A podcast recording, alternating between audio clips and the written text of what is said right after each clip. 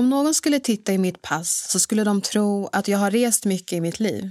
Född som kongolesisk flykting i Tanzanias huvudstad Dar es Salaam så fick vi vara en del av 1989 års kvot av flyktingar som fick komma till Sverige. Alltså kan man få en känsla av att jag är en kosmopolit, konstant på resande fot.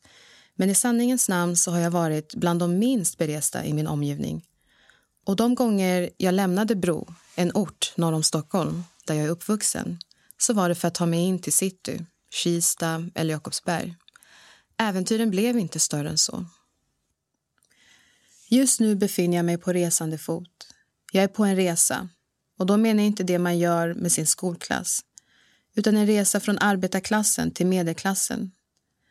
Jag är inte riktigt någon guide som visar mig vägen men ibland så stöter jag på vänliga själar som både medvetet och omedvetet guidar mig framåt.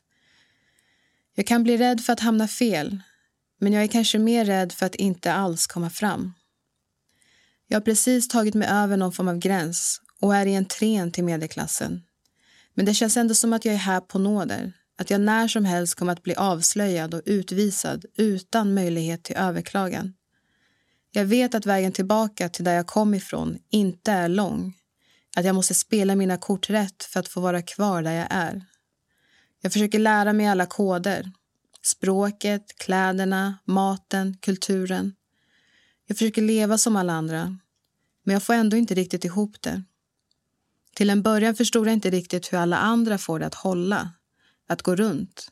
Små ledtrådar och hintar kom fram i olika sammanhang. Utbildning, föräldrar, kontakter. Det som skiljer viet och domet. Ett av mina riktiga problem är att det inte alltid är klart för mig om jag har blivit en del av viet eller om jag fortfarande är domet. Fysiskt befinner jag mig här, men det räcker inte fullt ut för att jag på riktigt ska bli en del av medelklassen. Jag har helt enkelt en bit kvar att resa. Jag heter Solange Olame Baipsa och ni ska få följa med mig på en resa. Det här är min mitt årsrapport för Teatertribunalen. Låt oss prata om klass, baby.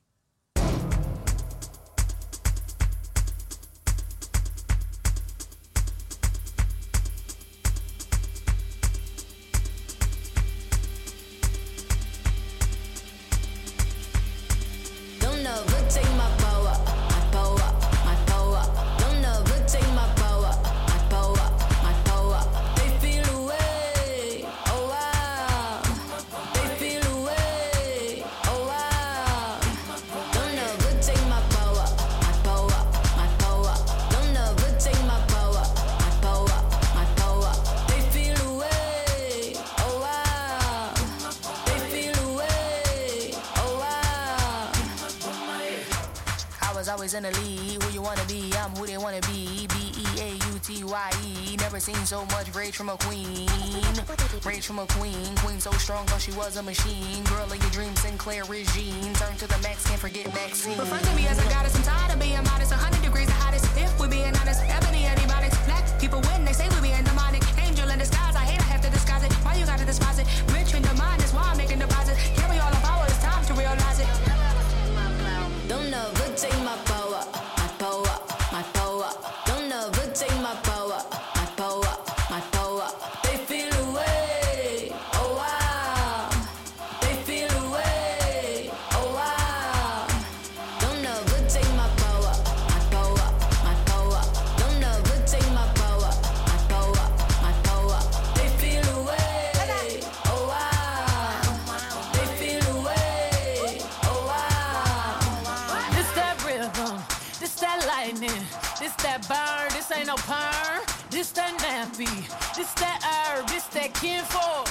that skinfolk, this that war, this that bloodline on the front line, ready for war. Where you gonna run?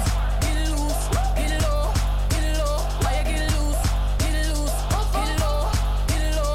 Oh, oh, gotta protect my grace, keep it locked in the safe. Don't make me get back to my ways. My power they never take. Don't but take my power,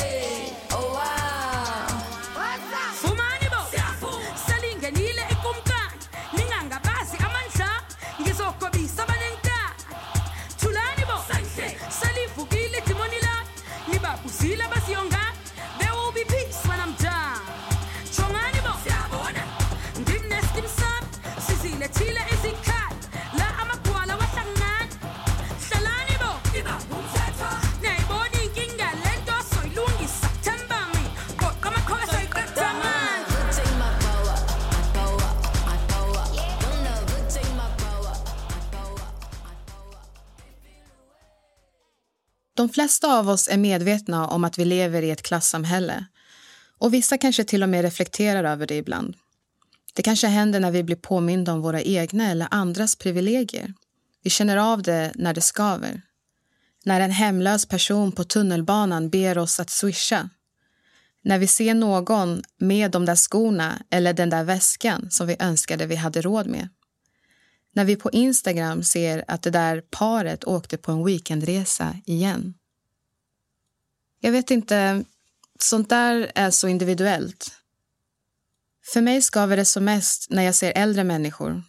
För då tänker jag på mina föräldrar, deras möjlighet till ett värdigt liv när de går i pension och det ansvar som ligger på mig och mina syskon. Ett ansvar som bara växer och blir tyngre och tyngre för varje år. Jag tycker inte att vi pratar tillräckligt om klass och framförallt så problematiserar vi det inte. Vi behöver prata mer om de stora skillnaderna som finns mellan oss. Skillnader som vi inte ser för att vi inte beblandar oss med varandra. Vet vi om hur olika vi lever våra liv? Vad det gör med oss att vi sällan möts? Jag ser mig runt i min egen krets av vänner och familj nära och kära som jag i olika utsträckning träffar och umgås med. De nya har jag träffat i politiken, på universitetet eller på jobbet. Flera av dem var också mitt i en klassresa och försökte ta sig fram i medelklassen. Även mina barndomsvänner gör själva samma resa som jag. Jag ser mig omkring i mina egna kretsar och jag ser ingen arbetare. Och jag undrar, när och hur blev det så här? Varför försvann arbetaren ut ur mitt liv när jag själv lämnade arbetarklassen? Varför har jag ingen i min bekantskapskrets som jobbar i butik, på lager, i en bar eller restaurang?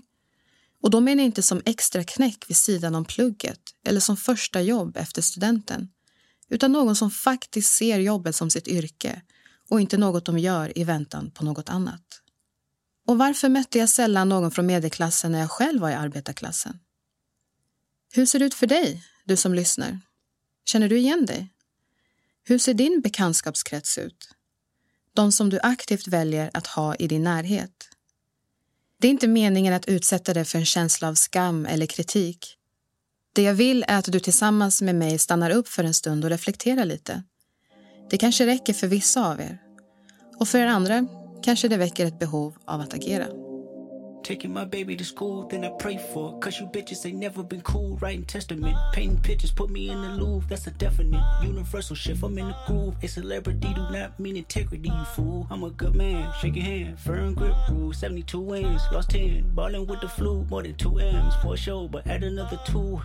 Mm. Little man, man, the big man's the GT down and flipping the kickstand. Mm. Rich nigga, broke phone. Trying to keep the balance, I'm staying strong. Stop playing with me before I turn you to a song. Stop playing with me before I turn you to a song. Hey, bitch, I'm attractive. Can't fuck with you no more, I'm fasting. Uh, bitch, I'm attractive. Can't fuck with you no more, I'm fasting. Uh.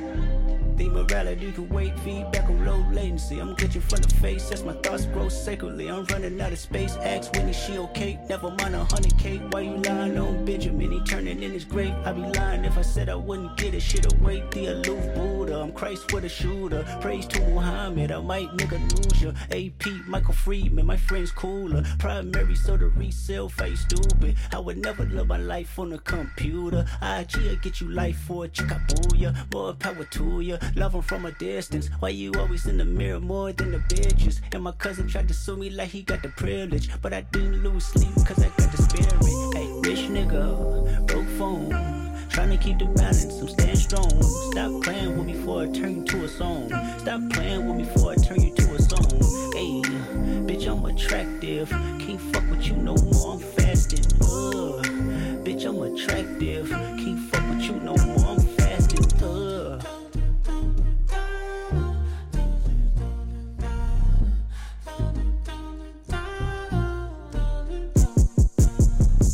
that brother. Real nigga, that brother. We dress up the score, give me that brother. Spirit medium, don't rap brother. We headed there now, are you strapped brother? Ay, peacemaker, but I'm not naive brother. Ay, gotta watch your homies and police brother.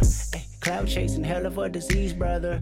I'm fasting four days out the week, brother. I pray to God that you realize the entourage is dead. I pray to God that you're not lagging when you off the meds. I pray to God she know them Cabo trips don't last forever. Bitch, you argue with her mama, go and get them kids. I pray to God you actually pray when somebody dies. Thoughts and prayers, way better off timelines. False claiming, not cute, I'm mortified. The new earth in high pursuit, 200 lives.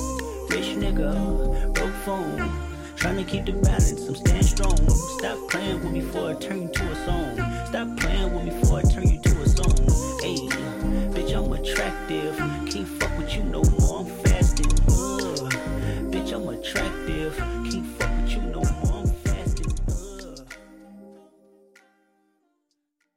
Det finns faktiskt en arbetare kvar i mitt liv. Min mamma. Min mamma Zawadi är i högsta grad en arbetarkvinna. Zawadis historia hade utan problem kunnat bli ett eget avsnitt av den här sommarserien. Hon är ett klockrent exempel på ett fall där strukturer och politiska beslut är boven men också lösningen till den situation hon befinner sig i idag. Zawadi föddes av en kvinna som själv var ett barn när hon giftes bort. Mormor Tamasha var 13 år när hon tvingades lämna sitt barndomshem för att från en dag till en annan gå från att vara ett barn till att bli en fru åt en man som var över 50 år äldre än henne. Vid ett tillfälle gjorde hon det som vilket annat barn som helst hade gjort i hennes situation. Hon rymde tillbaka till sina föräldrar. Men hon blev snabbt tillbakaskickad till han som nu var hennes man. Hon fick lära sig att acceptera att detta nu var hennes hem och att hon bara hade sig själv att lita på. Det dröjde inte länge innan första barnet kom men det är inte meningen att ett barn ska föda egna barn. Momo Tamashas första barn dog vid förlossningen. Min mamma Zawadi var hennes tredje förlossning men hennes andra barn som överlevde. Momo Tamasha jobbade hårt för att ge Zawadi och sina andra barn det liv som hon inte fick. Zawadi och hennes syskon fick alla gå i skola och utbilda sig, gifta sig om och när de ville. Priset de fick betala var en frånvarande mamma som missade stora delar av deras barndom. 24 år gammal hamnar mamma Zawadi i Sverige genom FNs kvotsystem.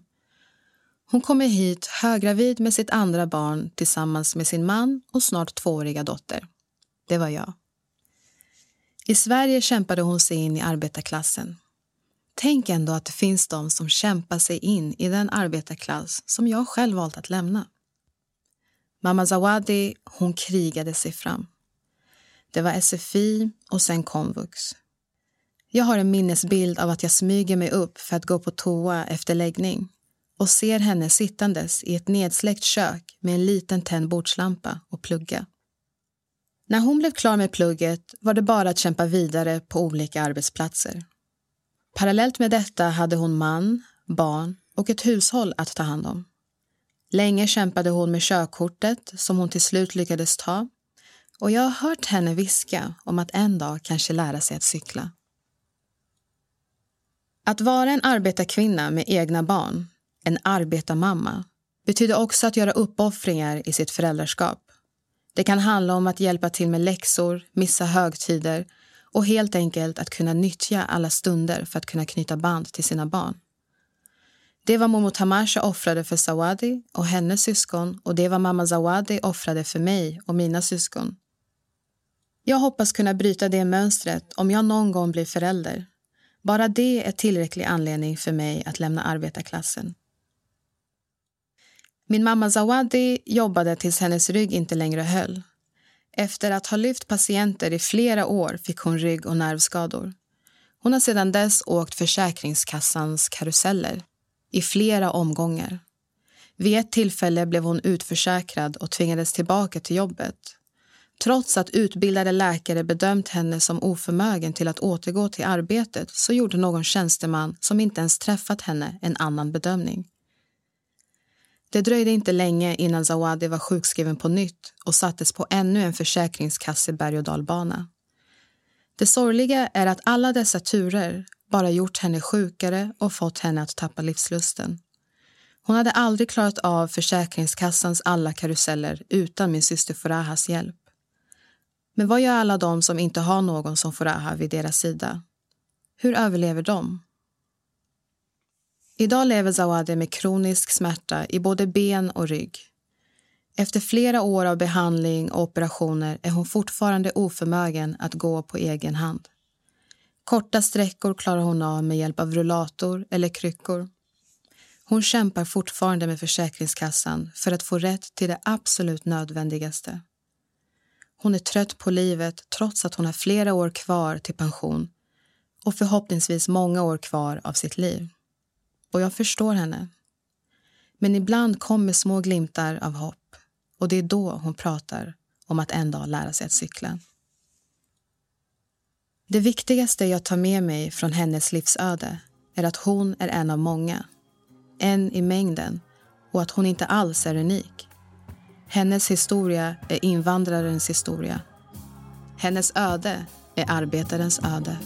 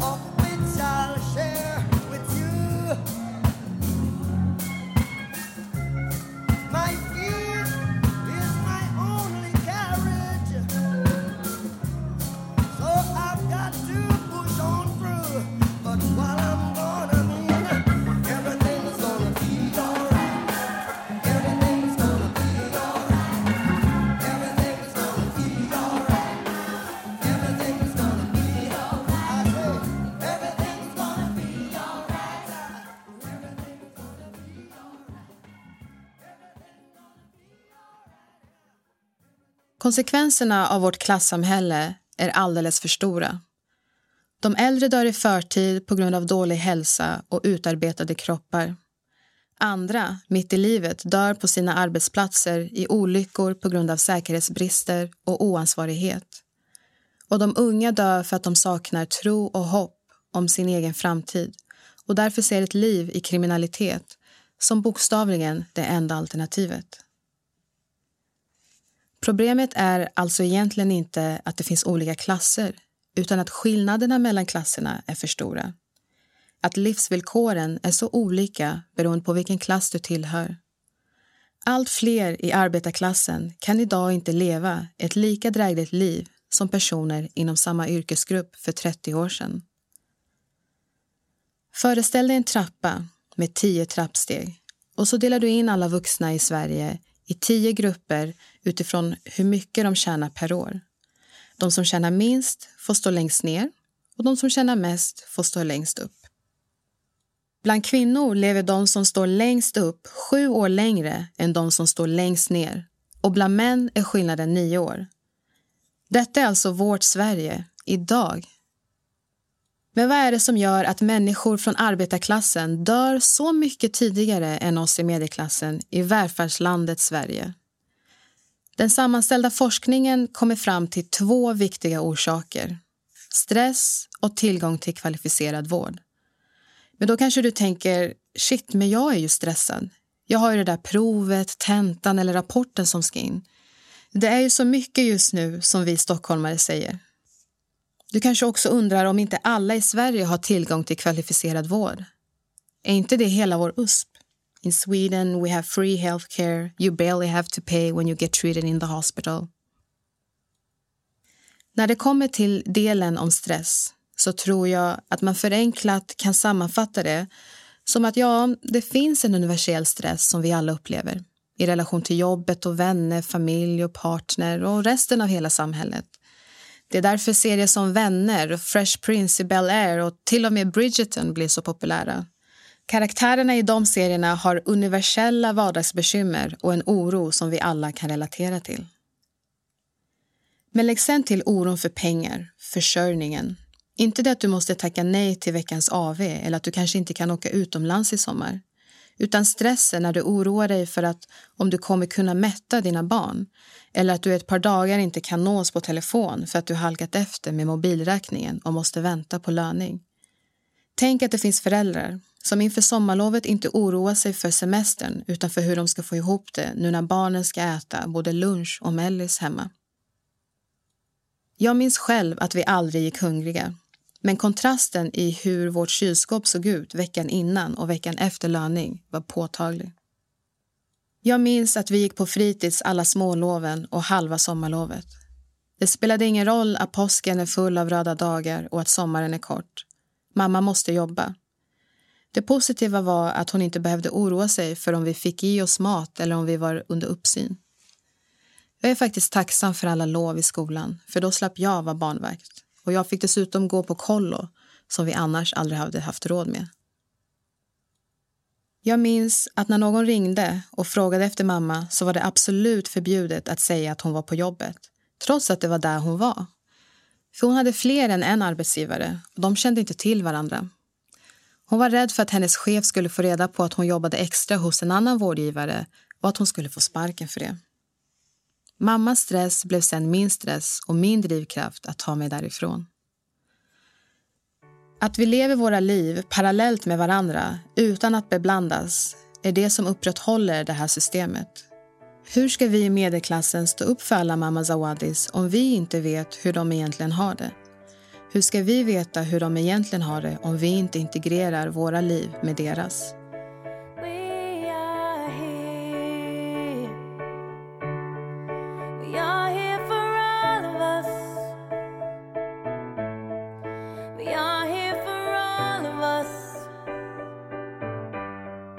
It's why we are here. Why we are here. We are here. Bombs over Baghdad. Trying to get something we never had. Let's start with a good dad. So real, but it's so sad.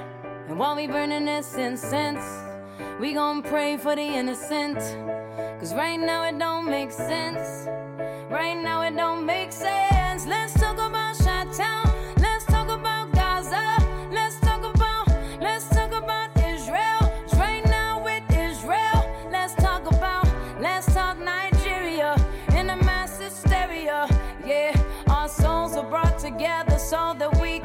Each other, brother.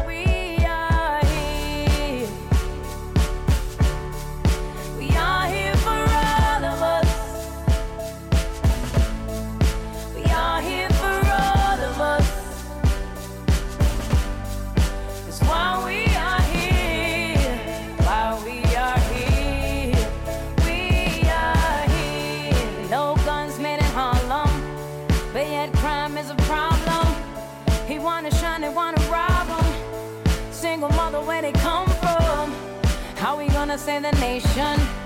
We're no support for education. Cause right now it don't make sense. Right now it don't make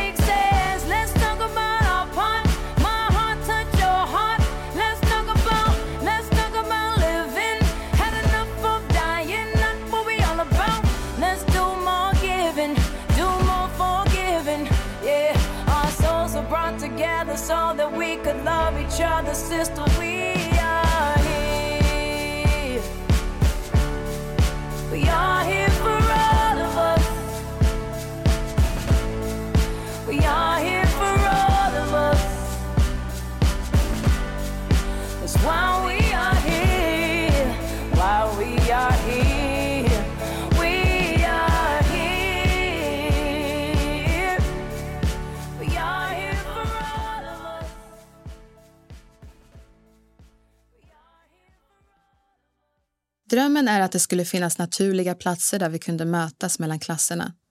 Kanske till och med tvingas att umgås, prata med varandra, lära känna och förstå varandra. Jag tycker att skolan var det en gång i tiden. Även idrotten var det i viss mån. Visst att det var segregerat mellan lagen, men vi mötte varandra i ligor och på turneringar. Jag hade klasskompisar som bodde i hus med pool, som hade råd att rida, spela hockey eller tävla i motorsport. Det spelade ingen roll för oss, så barn kunde vi alltid hitta något gemensamt att utgå ifrån när vi lekte. Hösten jag började på högstadiet, när jag var 12 år, blev det mer ansvar på mig än vanligt. Mina föräldrar jobbade flera kvällar i veckan vilket betyder att jag var den som var tvungen att stanna hemma och passa mina syskon. Jag spelade fotboll i Bro IK sedan jag var nio år. Egentligen så älskade jag inte att spela fotboll men det var en viktig stund för mig att få komma bort från allt ansvar, hänga med jämnåriga och få leka av mig. Den där hösten missade jag i princip varenda fotbollsträning från skolstarten och ett par månader fram. Alla i mitt lag hade gått i samma skola som jag i låg och mellanstadiet.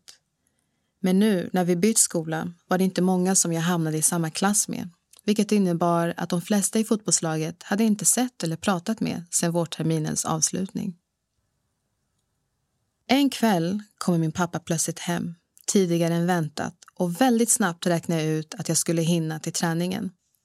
Som en blixt har jag hunnit byta om och kastat mig på min cykel mot IP. Det hade hunnit bli höst, så det var mörkt men inte kallt ute. Vägen till IP var välbelyst nästan hela vägen. Den känsla av frihet jag kände när jag cyklade den kvällen var något annat. Jag var så lycklig. När jag kom fram hade de redan börjat med uppvärmningen och de stod i två led vända mot varandra och gjorde en passövning som uppvärmning. I laget fanns det en tjej som vi kan kalla för Nathalie. Vi hade några lektioner ihop så vi sågs i skolan. Jag ställde mig vid henne och en annan och samtidigt som vi passade bollen mellan oss så småpratade vi lite. Jag minns inte vad vi sa till varandra men vi avbryts av en annan tjej i laget som vi kan kalla för Linda. Linda säger högt till Nathalie. Har inte din mamma lärt dig att inte prata med främlingar? Har inte din mamma lärt dig att inte prata med främlingar? Luften gick ur mig och jag blev helt tom. Tomheten fylldes ganska snabbt av sorg. Jag minns inget från resten av den träningen. Jag minns inte om jag cyklade eller promenerade hem med cykeln. Jag minns inte heller om jag tillät mig att gråta men jag minns att jag var riktigt, riktigt ledsen. Hur kunde all den glädje, längtan och lättnad jag kände på vägen dit bara på en sekund bytas ut till den sorg jag tyngdes av på vägen hem? Det blev min sista fotbollsträning. Jag gick aldrig tillbaka till det laget igen. Nu när jag tänker tillbaka på den händelsen som vuxen så fylls jag återigen av sorg, men också av många frågor. Varför var det ingen av tränarna som hörde av sig när jag hade missat ett par träningar för att ta reda på var jag tagit vägen? När jag väl kom den kvällen, varför var det ingen av dem som tog mig åt sidan för att visa på att de noterat min frånvaro? Att de var glada för att jag var tillbaka och frågade mig hur jag mådde och om allt var bra. Mina förväntningar på lagkamraterna var inte lika höga. De hade inte samma ansvar som tränarna. Men jag hade absolut inte förväntat mig att bli behandlad som luft och smuts, utfryst och förödmjukad. Ett par år senare var det jag som var tränare i basket för yngre flickor. Jag har svårt att tro att om det var någon av mina flickor som plötsligt inte dök upp på träningen att jag inte skulle höra av mig till dem och kollat att allt var bra om det var något jag eller föreningen kunde göra för att hon skulle komma tillbaka. Men om det hände att jag i egenskap av din tränare inte såg just dig så ber jag så hemskt mycket om ursäkt.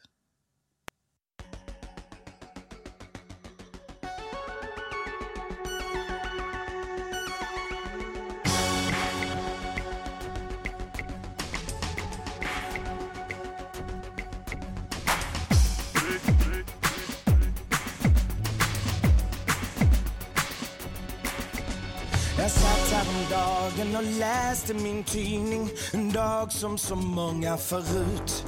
Och jag tänkte på alla de drömmar man drömt. Som en efter en har tagit slut. Då såg jag en bild av en flicka Med en skadskjuten kråka i famn. Och hon springer iväg genom skogen så fort som hon någonsin kan. Och hon springer med fladdrande lockar hon springer på taniga ben. Och hon bönar och ber och hon hoppas och tror Att det inte ska vara för sent.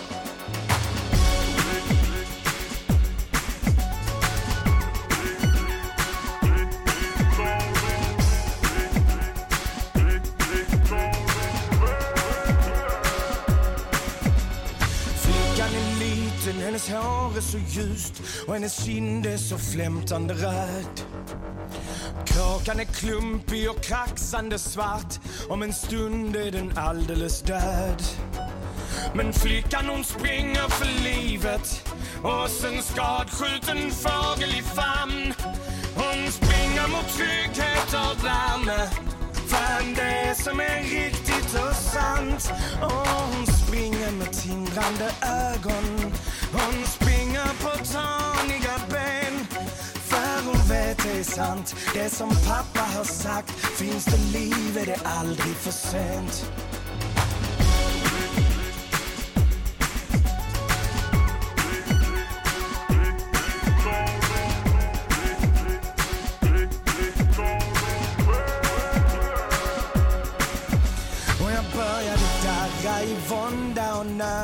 Jag skakar av rädsla och skräck.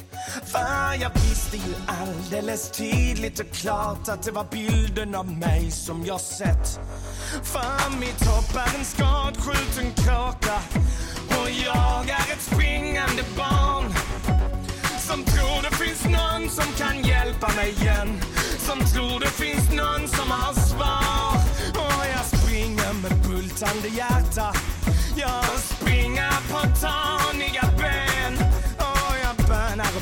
fast jag egentligen vet Att det redan är allt för sent.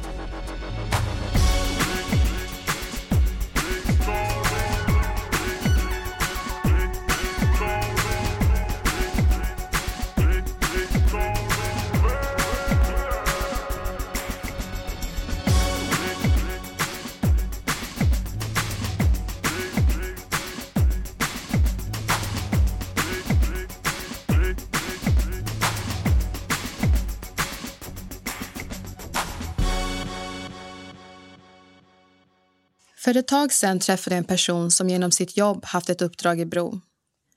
Bro är en väldigt blandad ort.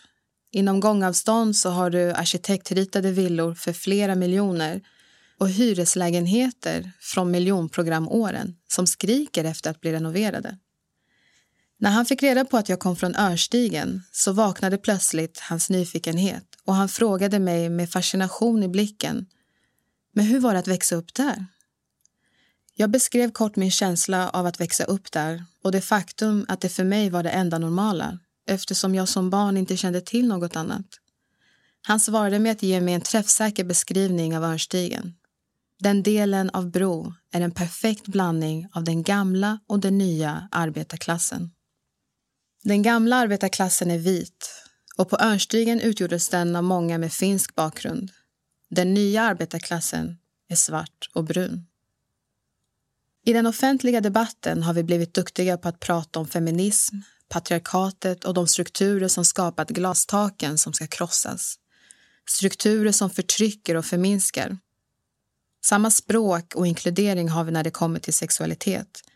Vi är överens om att ingen ska diskrimineras eller utsättas för hat och hot på grund av dennes sexualitet eller könsidentitet. Vi pryder våra jackor med nålar och går i parader. Det finns en allmän konsensus och det finns ett språk som möjliggör samtal. Men what about racism? Hur kan vi idag prata om arbetarklassens utmaningar och behov utan att prata om rasism? Om islamofobi, afrofobi, antisemitism, antiromism och låt oss inte glömma vår egna urbefolkning. Vi har idag beslutsfattare och andra makthavare som hävdar att det inte finns någon rasism i vårt land. Att Sverige är det minst rasistiska samhället i världen och att vi här minsann inte ser färg, bara människa. Jag tror att det är ett av våra största problem att vi inte har ett gemensamt och tydligt språk för att kalla saker för vad de är. Vem är invandrare? Jag är inte född här men minns inget annat liv än det jag haft i Sverige. Är jag invandrare? Min syster föddes en månad efter att vi kom till Sverige. Är hon invandrare? Mina syskons barn kommer inte att räknas som invandrare av SCB eftersom deras föräldrar är födda i Sverige. Men kommer de slippa frågan var kommer du ifrån? Egentligen. Om vi inte har ett gemensamt språk för att beskriva vilka vi är, om vi inte kan gemensamt formulera de problemen vi utsätts för, så kommer vi inte kunna hitta lösningar. Den nya arbetarklassens utmaningar är inte samma som den gamla arbetarklassens. De utmaningar som jag såg min pappa möta handlade aldrig om hans drivkraft. Hur hårt han än ansträngde sig släpptes han aldrig in. Vi bär uppenbarligen på ett utanförskap som leder till rotlösa vuxna och barn som inte vågar drömma. I många sammanhang jag rör mig i pratas det om engagemang. Föreningslivet lockar inte längre till sig människor och då är det många som drar den enkla slutsatsen att engagemanget är dött. Särskilt bland yngre. Men det stämmer inte. Det är inte så verkligheten ser ut. Jag inspireras dagligen av personer och organisationer som grindar för att höras och synas, för att påverka, förändra och förbättra. Förenade förorter till exempel. Ungdomar och unga vuxna som jobbar runt om i Sveriges förorter med att samla människor kring kulturprojekt och folkbildning. De började i Stockholm för att sedan få nationell spridning. Du har säkert hört talas om ortens bästa poet. En tävling där många från hela landet tävlar i spoken word. Eller Street Garys, kvinnlig organisering som började som en Facebookgrupp och sedan växte sig till en regelrätt förening. De är en perfekt mix av nya och gamla former av aktivism. En demokratistärkande, folk och opinionsbildande organisation som verkar för att utmana och omfördela makten i samhället. Nattvandrande mammor som tar på sig den orangea jackan och syns på våra gator och torg med syftet att skapa en tryggare utomhusmiljö och visa på att även svarta och bruna föräldrar bryr sig om sina barn och sina bostadsområden. Tack till alla er som engagerar och organiserar er ideellt. Ni räddar liv. Jag blev själv räddad av att föreningen Upplands-Bro Basket startades och är fortfarande evigt tacksam till grundaren och coachen Dennis Salamans. Att han orkade med oss Hela tiden utmana oss att gå längre, testa nya saker, inkludera oss i alla led, planera, organisera och förverkliga. Jag fick erfarenheter som hjälpte mig att få mitt första jobb. Jag fick vänner för livet som övergick till att bli som en familj. Jag fick en extra pappa som såg mig och lyssnade på mig. Och tack till er som engagerar er i en kvinnojour oavsett om det är genom att bidra med pengar, kläder eller annat. Du som tagit på dig ett uppdrag i styrelsen eller hjälper till genom att finnas där som stöd för de utsatta kvinnorna och deras barn. Jag blev själv omhändertagen av otroliga eldsjälar när jag som 11-åring bodde på en kvinnojour med min mamma och mina syskon. Varför vi hamnade där vill jag inte gå in på nu. Men det jag kan säga är att under de dagar vi bodde där var jag arg. Tyvärr mest på min mamma. Jag visste inte bättre och framförallt tänkte jag bara på mig själv. Jag var arg för att jag inte kunde vara i mitt eget hem. Att jag varje dag blev hämtad och lämnad i skolan av en pinsam taxibil som alla undrade över. Jag förstod inte då att uppskatta all den hjälp vi fick med boende, transport, kläder och leksaker utan skämdes för det mesta. Idag skäms jag över att jag inte såg hur orolig du var, mamma. Att jag inte försökte trösta dig mer. Förlåt mig.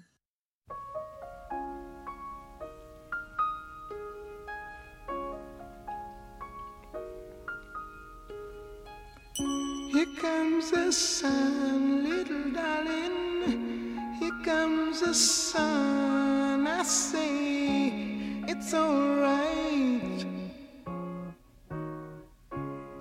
It's alright. Here comes the sun, little darling.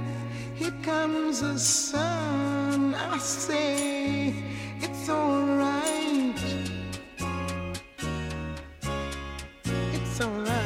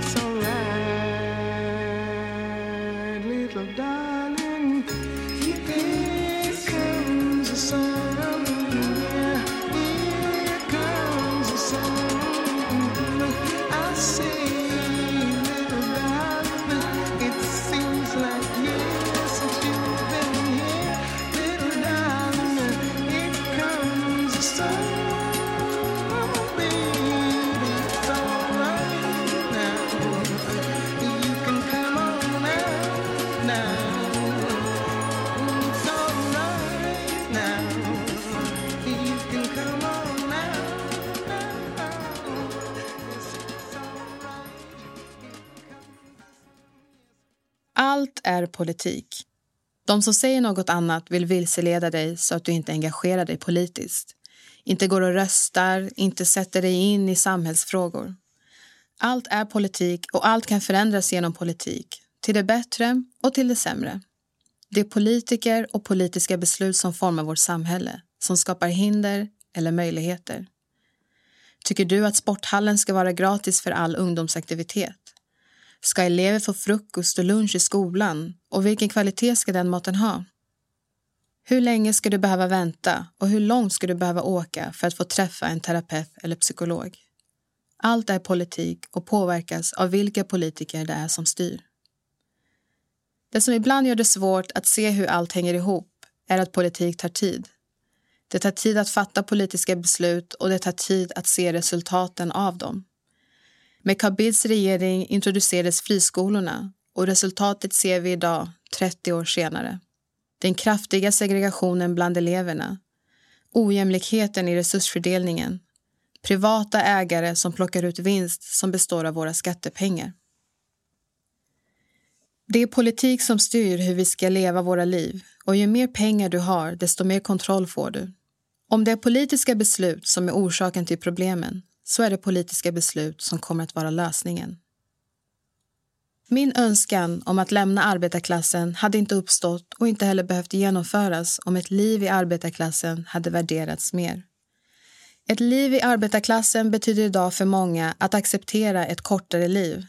Det betyder att acceptera att offra sju år av sitt liv bara för att livsvillkoren är så mycket sämre. Det är inte värdigt. Det är inte okej. Okay. Ingen människa ska i Sverige idag behöva leva sju år kortare bara för att man är bosatt i fel område. Oavsett bakgrund och yrkesroll så ska du kunna leva ett gott liv. Där har vi tyvärr misslyckats som politiker. Min egen resa började redan med mormor Tamasha och de uppoffringar som hon tvingades göra. Mormors och mammas uppoffringar har tagit mig hit till där jag är nu. Där det inte längre är pengarna som gör den stora skillnaden utan möjligheten att styra över mitt liv. Det är en frihet jag aldrig vågade drömma om när jag växte upp. Och idag kan jag drömma mig längre än till Jakobsberg eller Kista.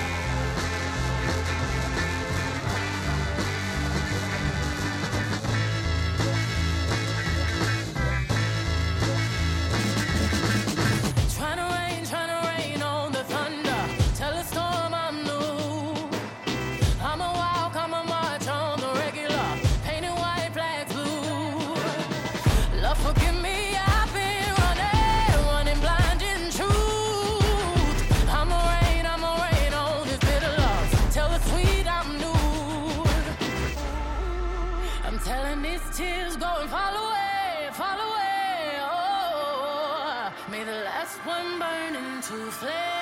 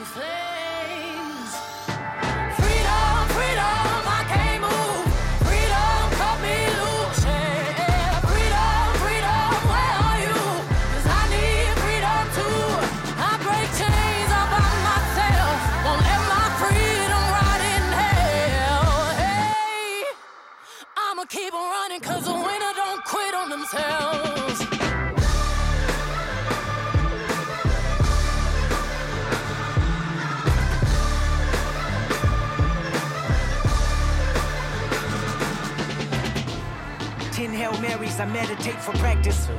Channel 9 News tell me I'm moving backwards. Eight blacks left, death is around the corner. Seven misleading statements about my persona.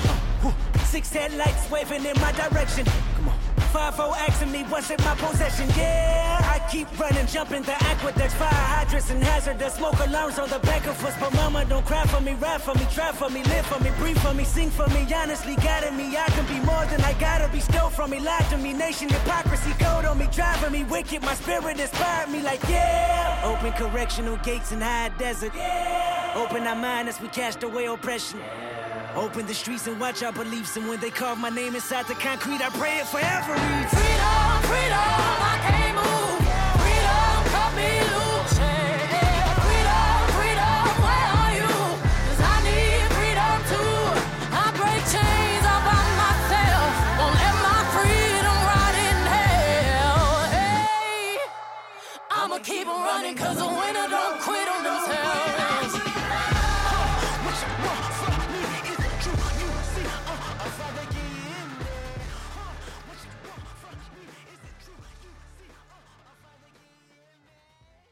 Du har hört Solange Olame Baipsa presentera sin mittårsrapport för Teatertribunalen.